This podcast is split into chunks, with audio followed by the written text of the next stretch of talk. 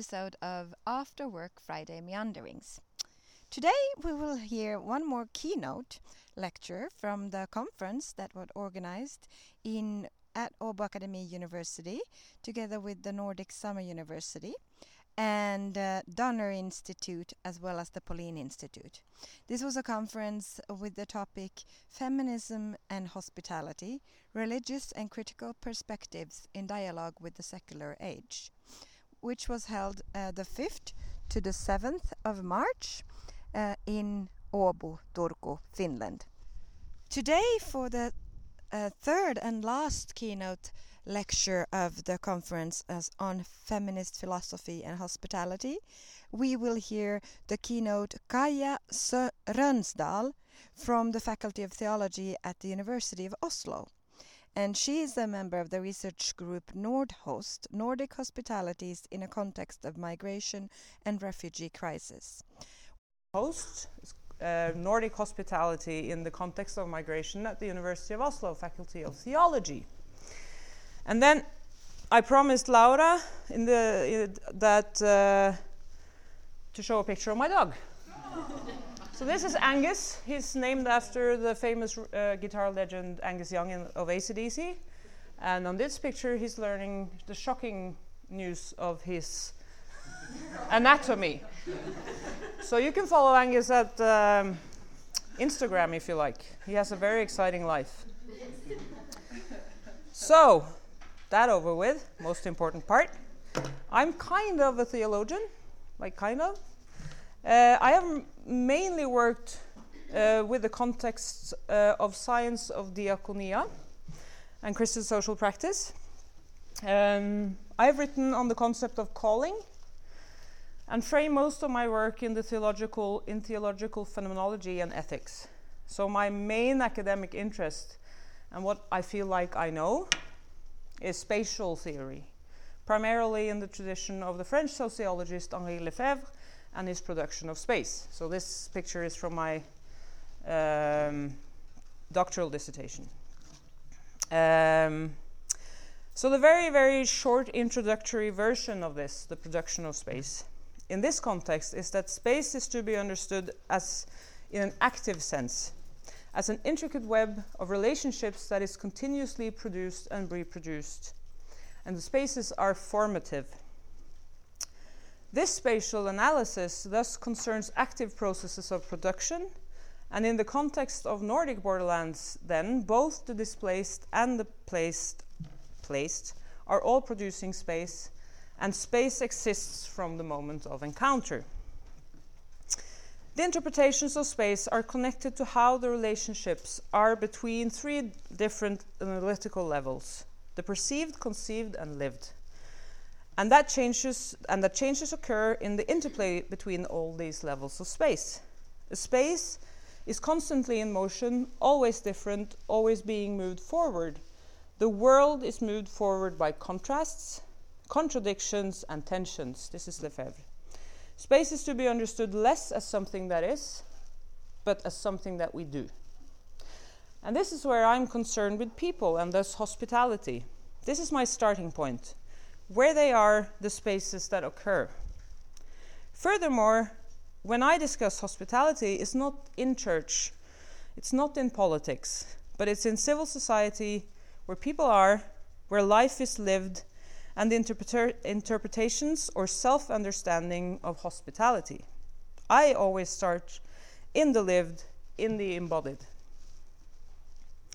And this will unfortunately be a monologue, uh, but the point is that I have a story, a narrative, and a geography that has to be presented. It is not about my contribution, it's about uh, this important story. So let us start with a quote The number of unauthorized migrants who have died attempting to cross the borders to Europe is transhistorical and has reached frightening heights. This quote is citing an article written in 2009. We all know that after 2015, this quote is outdated. And with the current situation in Greece and Turkey, we may be standing at the threshold of yet another transhistorical number of deaths at our shores and borders. The post Cold War call for a borderless world that ruptures the notion of the spatial fixity of symbolic borders rather connotes ideas of globalized spaces, spaces of flows, de or re territorialization, hybridity, and postmodernity this is true from the current vantage point as sovereign states claim monopoly control over the mobility of people. Every day, news is filled with human tragedy at or towards borders and inhospitality inside. There is maybe not surprisingly quite little of the counter narratives, the human encounters, openings, and possibilities that also make up these borders. Bordering separates but also brings together. Respect, respectively, borders are open to contestations and at the level of the state and everyday life. So, this paper is based on the project Magnificent Encounters in Borderland. It's a project exploring hospitality in lived encounters in Nordic borderlands. The theoretical framework, as well as the methodological development, is built from spatial theory, phenomenology, and theology. Border situations need to be emphasized as radical stages of relations. The shift of the borders to become the stage of relations have, has significance for how we approach the migrant as a concrete and theoretical human being. And in the project, this is explored through bottom up insights developed from empirical work in Nordic borderlands, that is Malmö in Sweden, and Kirkenes in Norway. The empirical from below and enacted and lived encounters lead to a challenge and reconfiguration of migration binaries such as guest and host, victim, agent, all of these things. In this paper, I, am show, I, am, I aim at showing and discussing how the idea of fluid hospitality takes the concept of calling from Scandinavian creation theology and makes it universal, becoming an interesting and fruitful extension of calling. The starting point is a small narrative. This is the globe. I have a huge map. I talked about this during the, the brunch. Trump has a huge map. I have a huge map. um, yeah, so the starting point is a small fieldwork narrative of events from refugees crossing the Russian Norwegian border, all the way up there, to, to the town of Kirkenes in 2015 and 16. Traditional notions of both hospitality and the concept of calling may become passive, as binaries like guests and hosts are rigid, while fluid hospitality may be pinpointed as pre reflexive action. The calling is not only a disruption or an, or an encounter, it also takes place in the minor encounters in lived spaces the calling is not just everywhere, it's also in the non spaces. Those not included in ecclesial notions of calling, that means in church. Uh, borderlands and border space may be such non spaces. Furthermore, such non spaces may be counter spaces in that they, like Michel Foucault's notion of heterotopia, through their very differences, direct criticism towards society threatening the general discourse and challenging the ethical discourse. They are actually rich and complex social spaces. There are ways of discovering the calling, and that we meet in the calling as equal bodies with pathos, provided the premise that it is something that we are affected by, provoking sense as something done to us. Who calls and who responds in these spaces is not something decided beforehand, nor are the spaces themselves. So the following account builds on news articles from local, national, and international broadcasters in 2015 and 16, non academic and academic publications, as well as the informants in this project. I have included the details necessary to contextualize the paper. It will become clear why I do this. The political, departmental, and legal version of the story and the local experience of it may differ. So a little bit closer now. This is where we are. In 2015, millions of people crossed the borders of Europe. They were refugees and migrants coming from a wide range of nations, finding any possible route into a European nation. Norway has a 196 kilometer border to Russia. Two thirds of it is along rivers. 230 Norwegian soldiers guard the Norwegian side, while the same number of Russian soldiers guard, guard their side. 396 border posts mark the border yellow and black on the Norwegian side, red and green on the Russian. Russia additionally has a fenced in militarized zone, militarized security zone for several kilometers into the country. Only one road crosses the border, and consequently, the entire border has one border station called Storskog. It is illegal to make the crossing on foot, but a bicycle is considered a vehicle. At the beginning of the 21st century, an average of five asylum seekers crossed this border annually. In 2015, 5,465 asylum seekers found this way into Norway on bicycles, most granted once through visas in Russia. Already in March 2015, a few asylum seekers crossed this border. In August, 100 people crossed and new rec records were set every day. By October, 50 to 60 people crossed every day. According to Norwegian law, asylum applications can be processed at the border or inside the territory. As it was impossible to differentiate between those seeking asylum and others, as well as handling the sheer number of arriving people, the border authorities simply decided to let every third nation citizen enter.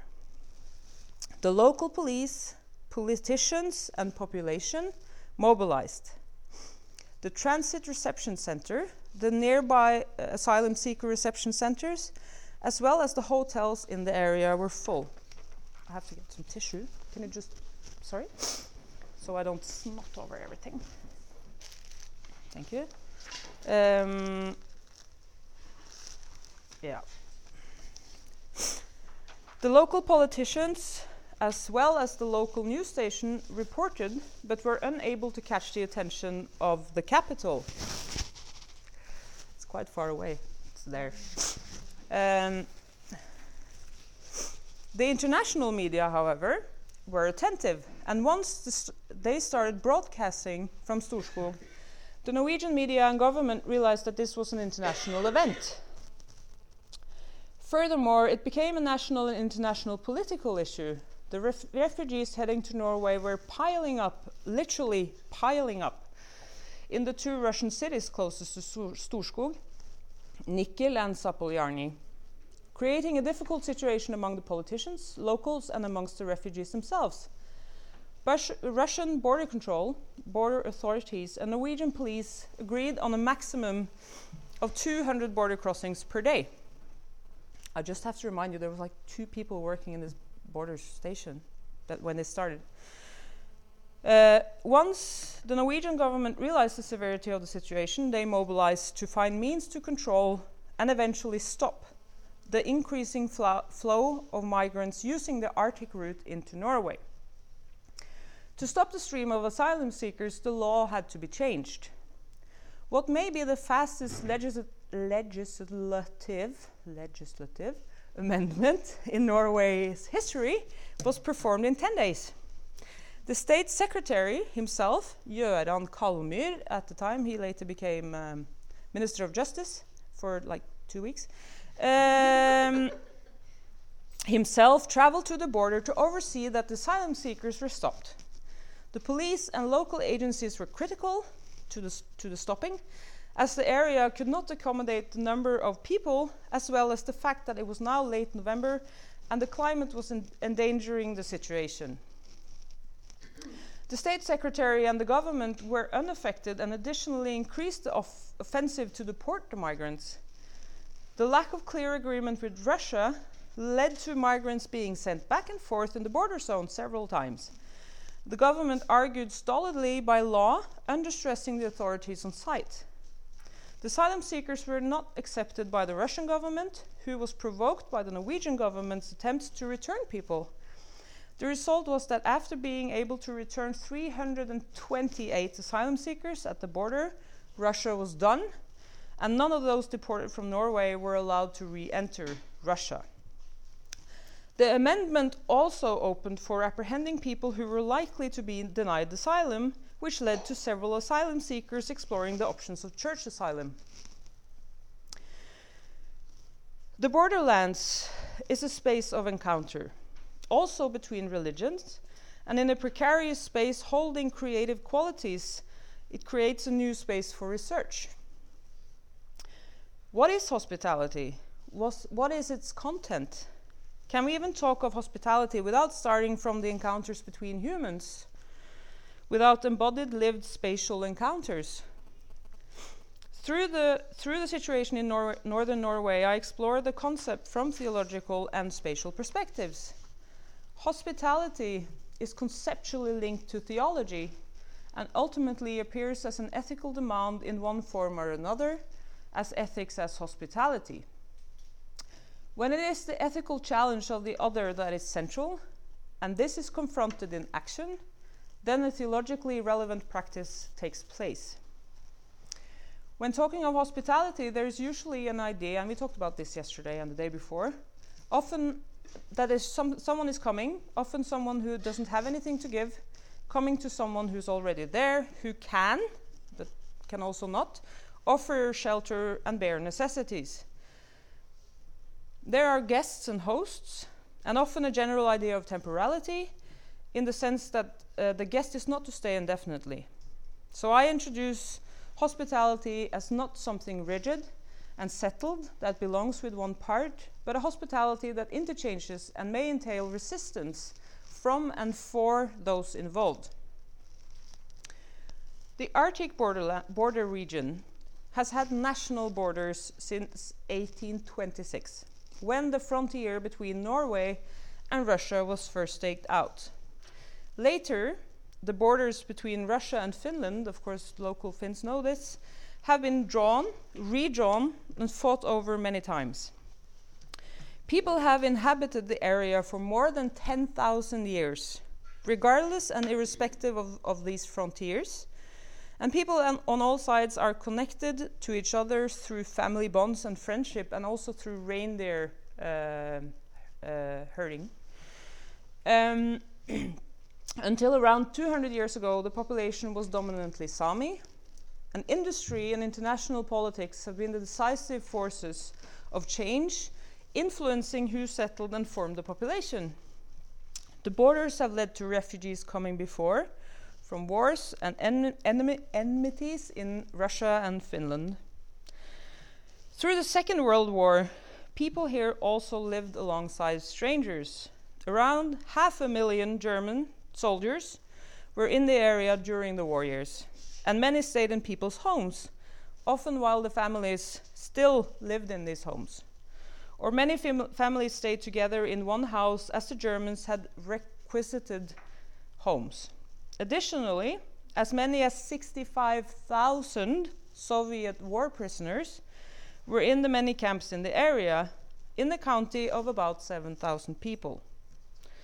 During the war, locals themselves fled uh, or were, or were evacuated by force.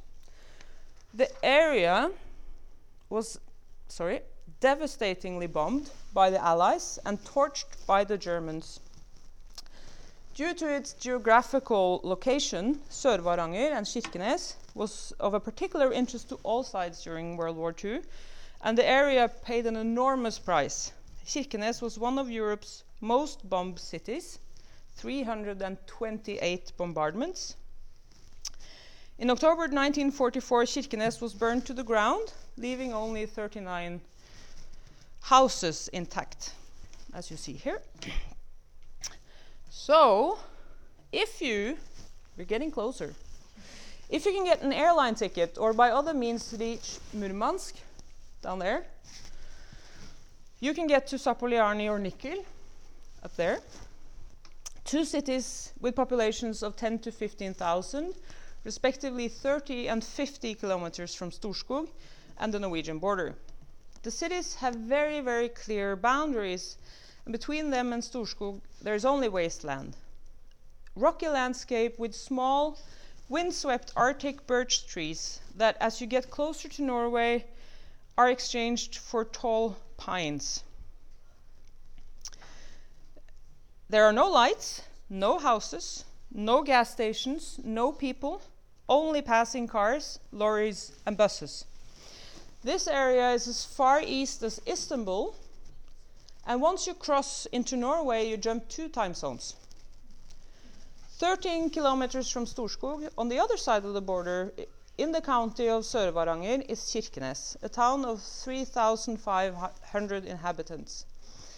In Kirkenes, you feel the vicinity to and presence of other nations, with street signs in both Russian and Norwegian, Finland is only 40 minute drive away, and Finnish influence is also visible in names of people and places.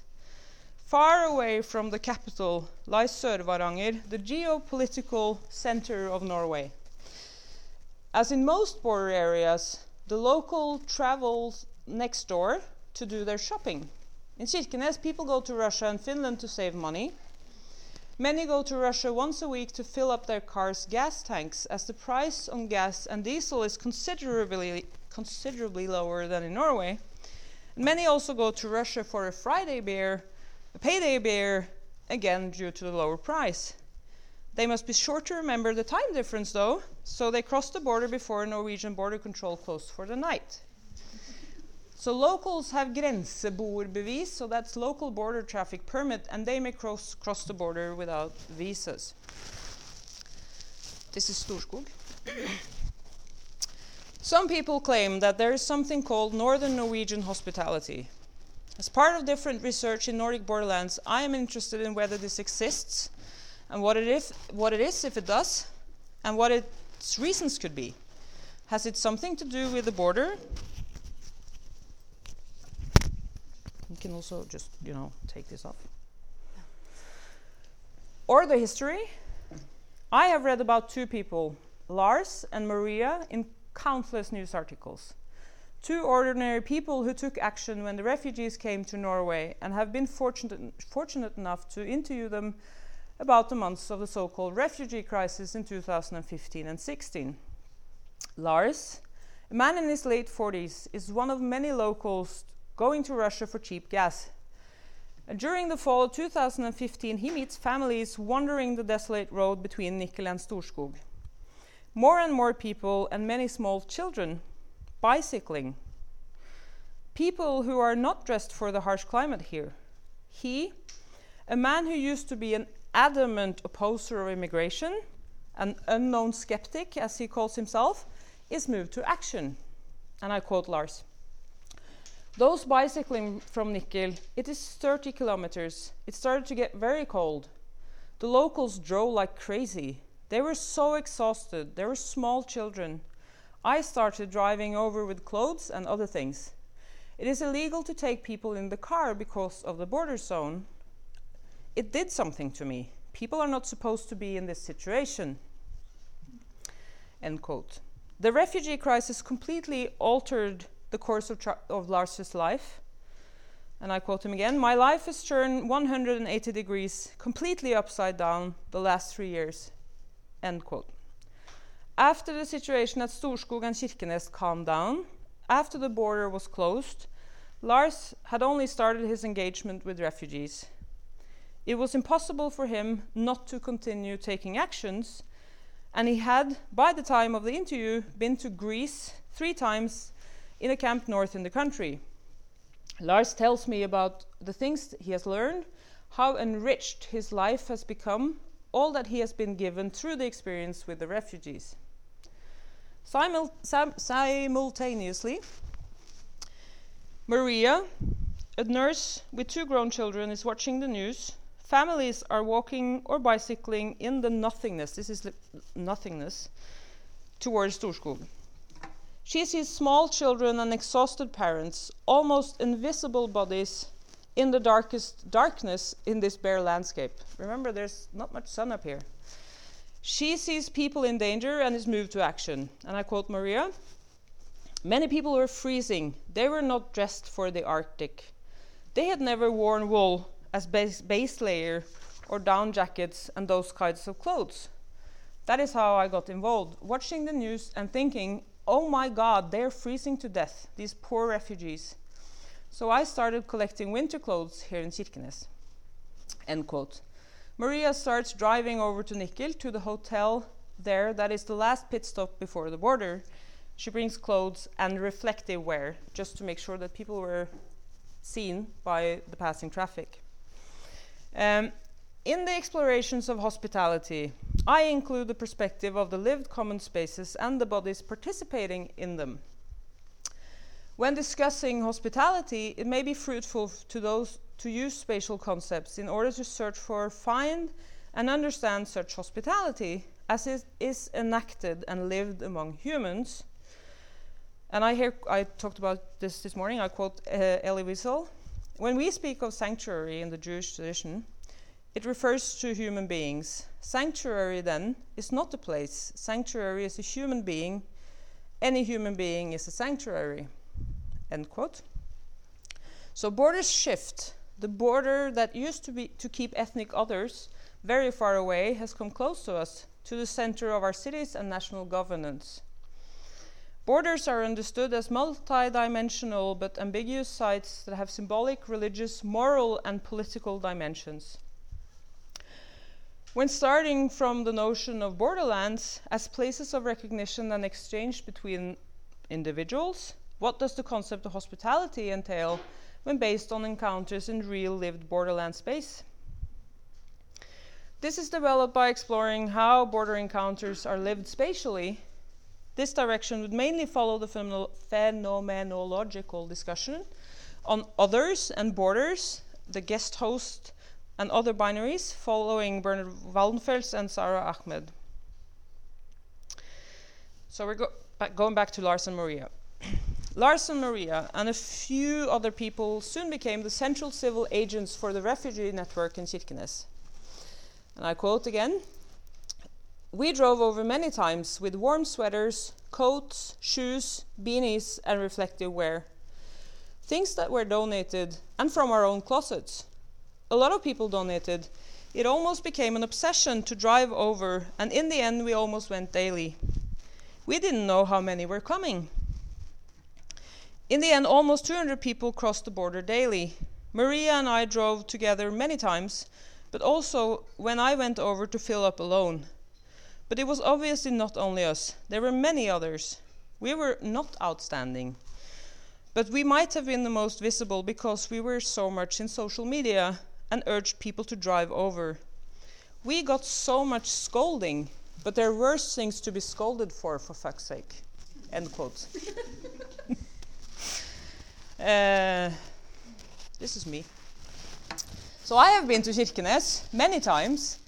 I have been across the border to Russia and Finland. I have been to the hotels in Zapolyarny and Nikel where refugees stayed in all rooms, hallways, meeting rooms, eating rooms, before they started their walk towards Norway. I have driven on the road to Storskog.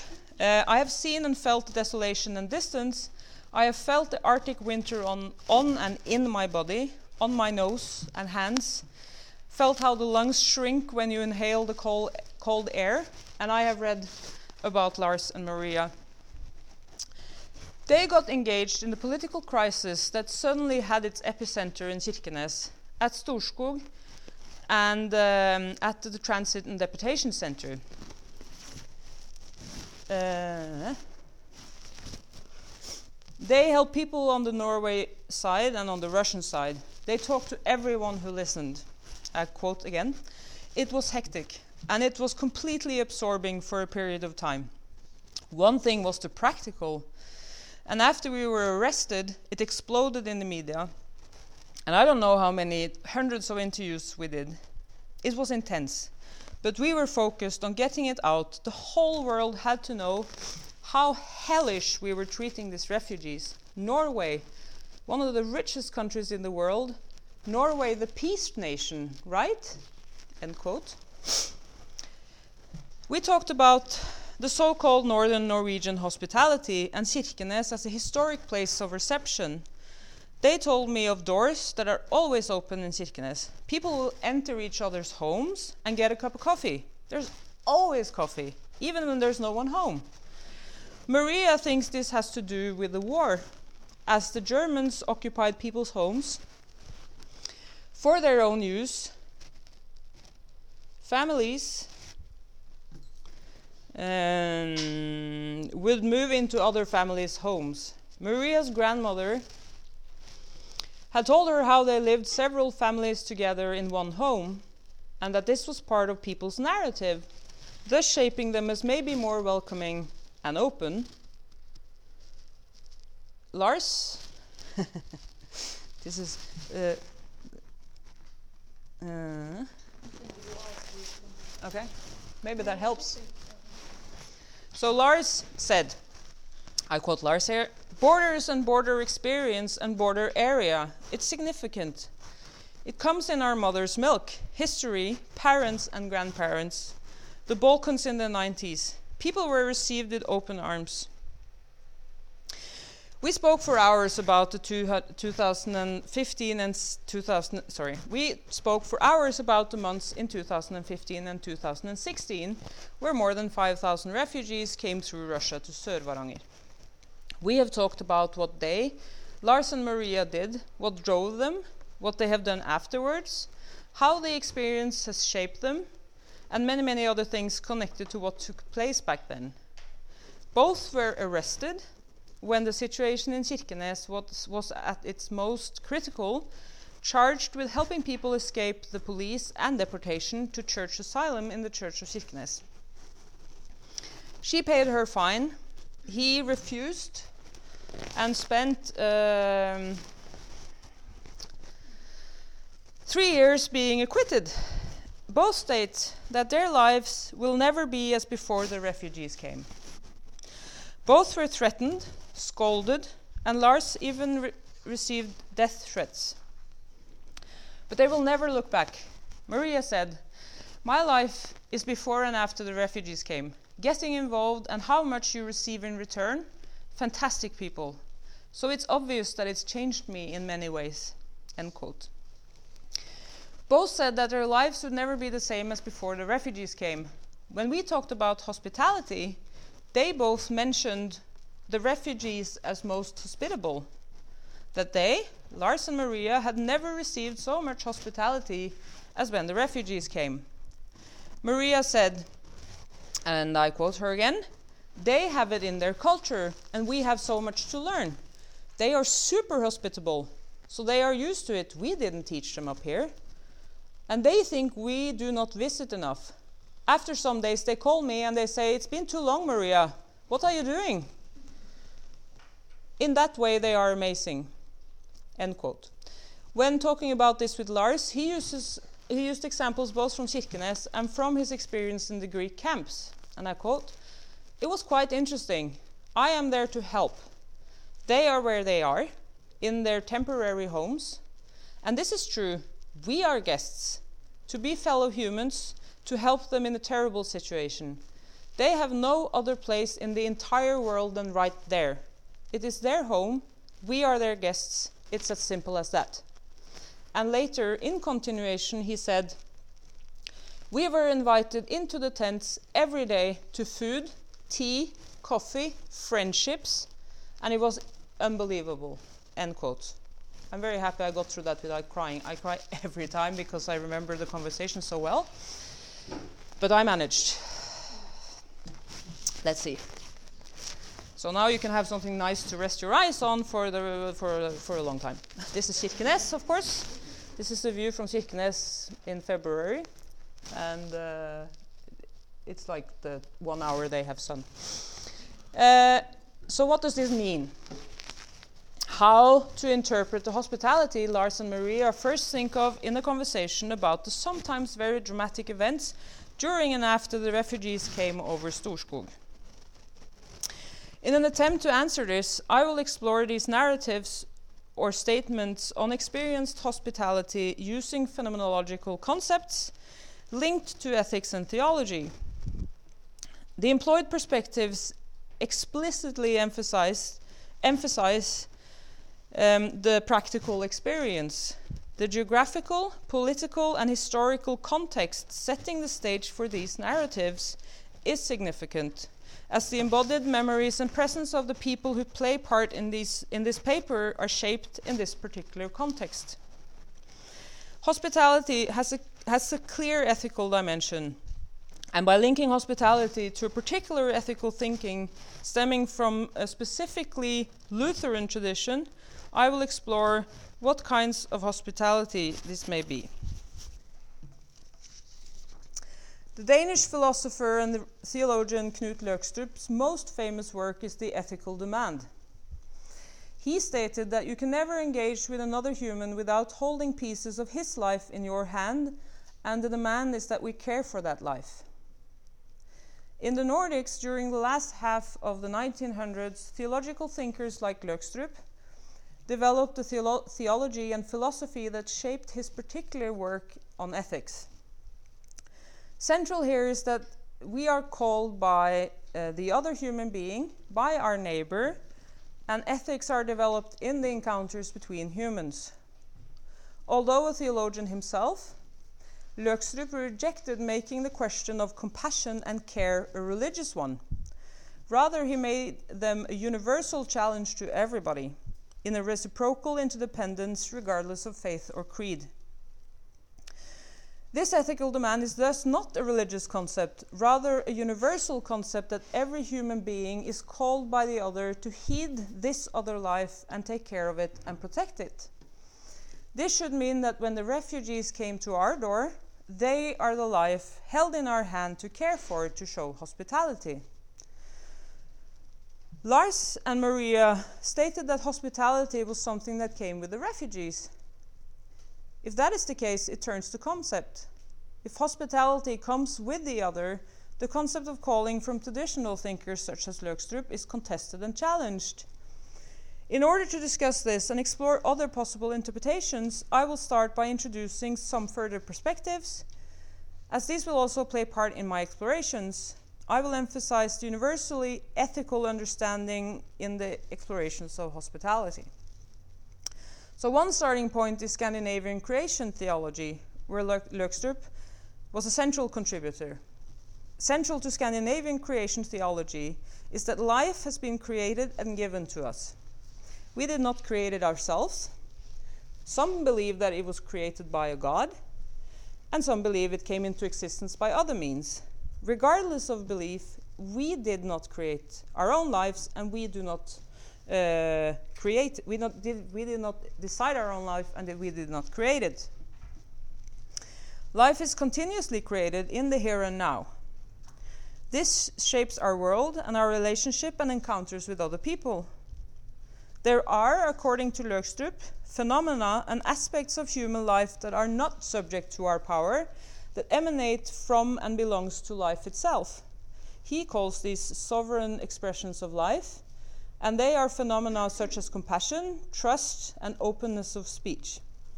His point is that these are the phenomena which, with which life, sorry, with which lives encounter lives, and these human encounters is where ethics develop. His view of creation is that it is universal and that it is, that it is characterized by motion and change that the world and other humans are not our creations is decisive in how we think about and act toward them. Feminist theologian Let- Letty Russell claims that Christian theologians who are committed, committed to practicing God's hospitality and justice are called to develop a critical way of doing theology that makes sense to those who are, who are marginalized and excluded, and to assist in God's intention for the mending of creation. The other has always been an important figure and phenomenon for theology. That is part of the task of perceiving the other. This emphasis is closely linked to phenomenolo phenomenology, where the fact that we share uh, created life, reality, and world makes us part of the same life world, with or without divine presence, depending on what you believe. A, human is inherently related to others, to nature, culture, and society. Furthermore, we share the same planet and therefore unavoidably live at the expense of other life forms and repeatedly do so at the expense of others. Following these lines of thought, we see a, th- a theological thinking that is particularly interested in thinking of reality as a radically open concept, which leaves space to think otherness and changeability for the world. Such extensions to discourse are open for discussion, not wholly laws to be either condoned or condemned. It is a normative, philosophical, life interpreting approach to God, life, humans, and the world. Scandinavian creation theology stands and falls with the claim that there are shared aspects of human life that offer room for open minded discussions on how to live the human condition alongside people of other faiths, faiths excuse me, and with people of no professed faith at all. Scandinavian creation theology leaves ample room for common sense and common commitments, even where worldviews differ or even drift apart. Two lines of thought remain. Uh, two lines of thoughts regarding human lives are, ju- are thus distinctive to this particular theological int- interpretation. The first, that I already mentioned, is the understanding of creation, meaning in interpreting the world as already God's creation, a reality which should be cared for and enjoyed for its own sake by believers and non believers alike. The other central and explicitly theological distinction is the profession of a divine presence also outside religious and sacred spaces in the everyday. This is also true in the everyday lives of people who do not necessarily think of themselves as being religious. This gives a sacredness to the everyday life and to everyday spaces that are open to theological interpretations of aspects and locations of life traditionally not thought of as sacred. Even though this is fundamental thinking in this theological and ethical tradition, it does not really fit the narrative of Lars and Maria and their experience of receiving hospitality from the, from the refugees. In their encountering with the refugees, the perspective of holding the other, the other life in one's hand is imprecise. There seems to be a one sidedness that does not resonate with the experience in the narratives. What Lars and Maria talk about seem to point another way radicalizing hospitality. It seems that their narrative cannot be safeguarded by Løgstrup's holding pieces of others' lives in one's hand. So, what does it mean that Lars and Maria have never encountered such hospitality as when the refugees came? I ask that question again. They were the ones who opened their arms, homes, lives. They drove to Russia with food, water, and reflective wear. They partook in language classes, taught people how to dress, arranged childcare, and much, much more. They risked fines and prison to help refugees from deportation.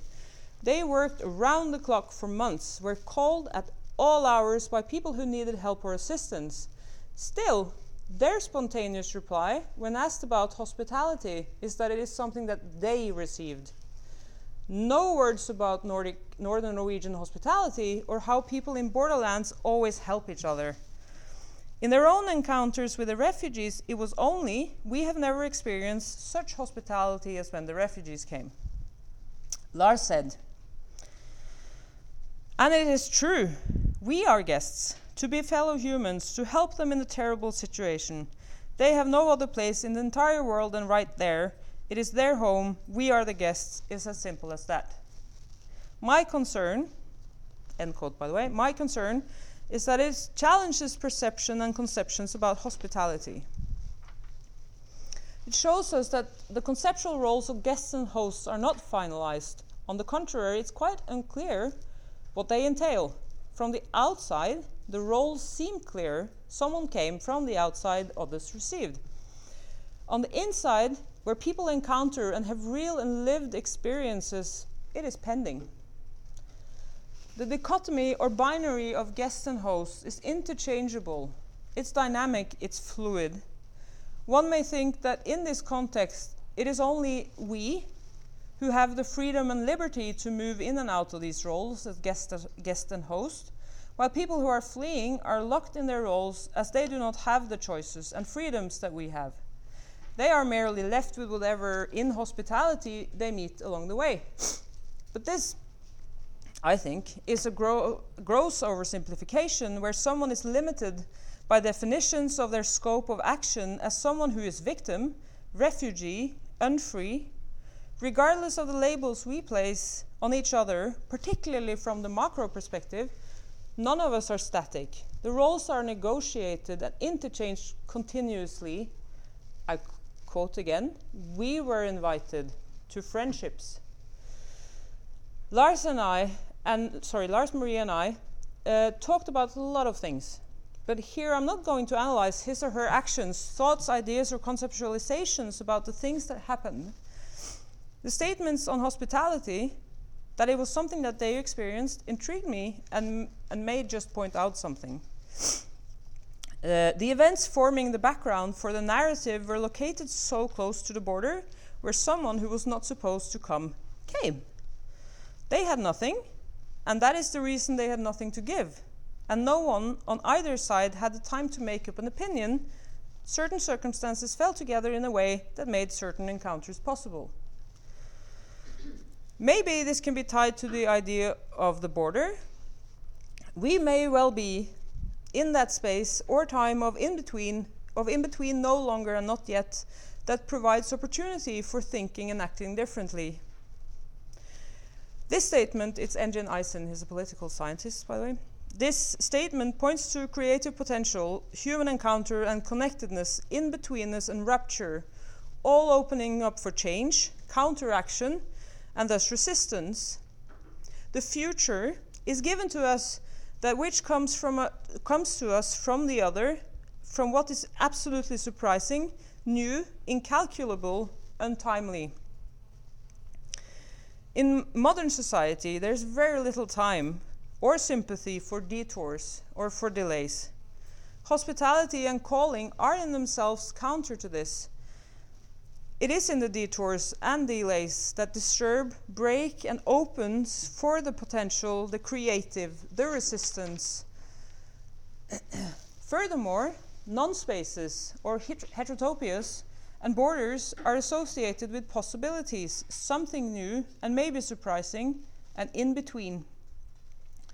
The location of the in between uh, comes to existence in the exact moment when the boundary line is crossed, overcome, and experienced.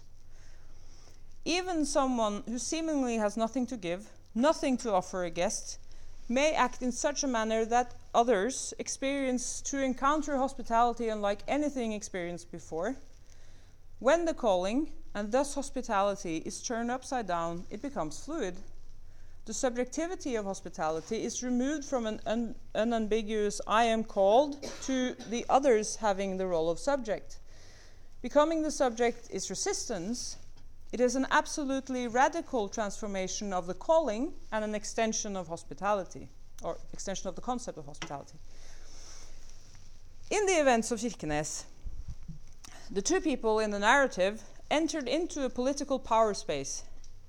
However, there is simultaneously another production of space going on Maybe the fluid hospitality that they experience in, in, the lived space points to counter spaces to resistance.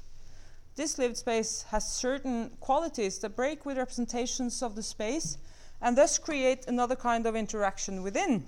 And that is where the calling and thus hospitality is uncovered and can be discussed. That is why spatial interpretation is imp important for fluid hospitality and calling resistance. It was in Kirkenes the border space that happened to become a space of specific encounters, these disruptions, that the fluid hospitality was found. The individuals who encountered in the months of 2015 and 16, all of them bodies who reached out to each other and responded to each other's embodied spatial calling, thus also exchange hospitality. Thus also exchanging hospitality, sorry. Fluid hospitality has nothing to do with what you have to give. Rather, it's immaterial, a transcendent sensing and embodied hospitality, back to humans are sanctuary, in this fluid hospitality, The encounter, encountering bodies surrender or even entrust themselves to each other, transcending the usual conceptions of the boundaries of hospitality. The spatial interpretations of the border and the displaced reveal that actual spatial locations of everyday life and social life. As lives that are usually lived off site, in reference to either academy or church, it may still be the most significant locus or space of hospitality practiced and even the locus where the interpretation should be founded. Furthermore, the, dogma the dogmatic, dogmatic loci spaces, pointed out by theologian Kathryn Tanner in her initial definition of theologici, uh, theological spaces, must be reconfigured spatially. She herself suggests that the new dogmas in such a theolo theology should be and I quote, mobility and rootedness in place, dislocation and belonging, connection and disjunction, occlusion and display, division and incorporation, exclusion and inclusion, new redemptive orderings of all these spatial forms so as to rework the old in life enhancing and spiritually fulfilling ways. End quote. In my view, if one is to explore the concept of theological spaces or hospitable spaces or theologically interpreted hosp uh, hospitable, hospitable spaces, it is crucial to maintain that the lived space heterotopia is, is a concrete and present space. These spaces, the borders, are real spaces. The body is located somewhere, always, in the concrete production of space. We're always physically placed bodies in lived space participating in its everyday production. Meaning that both the displaced and the placed, as I said in the introduction, are all producing space, and that space exists from the moment of encounter, not the spaces in the future.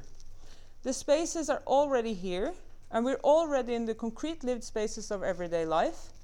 It is no longer a source or geographical locus. It is not somewhere we have to look for or visualize in the yet to be. It isn't it the lived locus of hospitality is already here. Thank you. And I also yeah, sorry.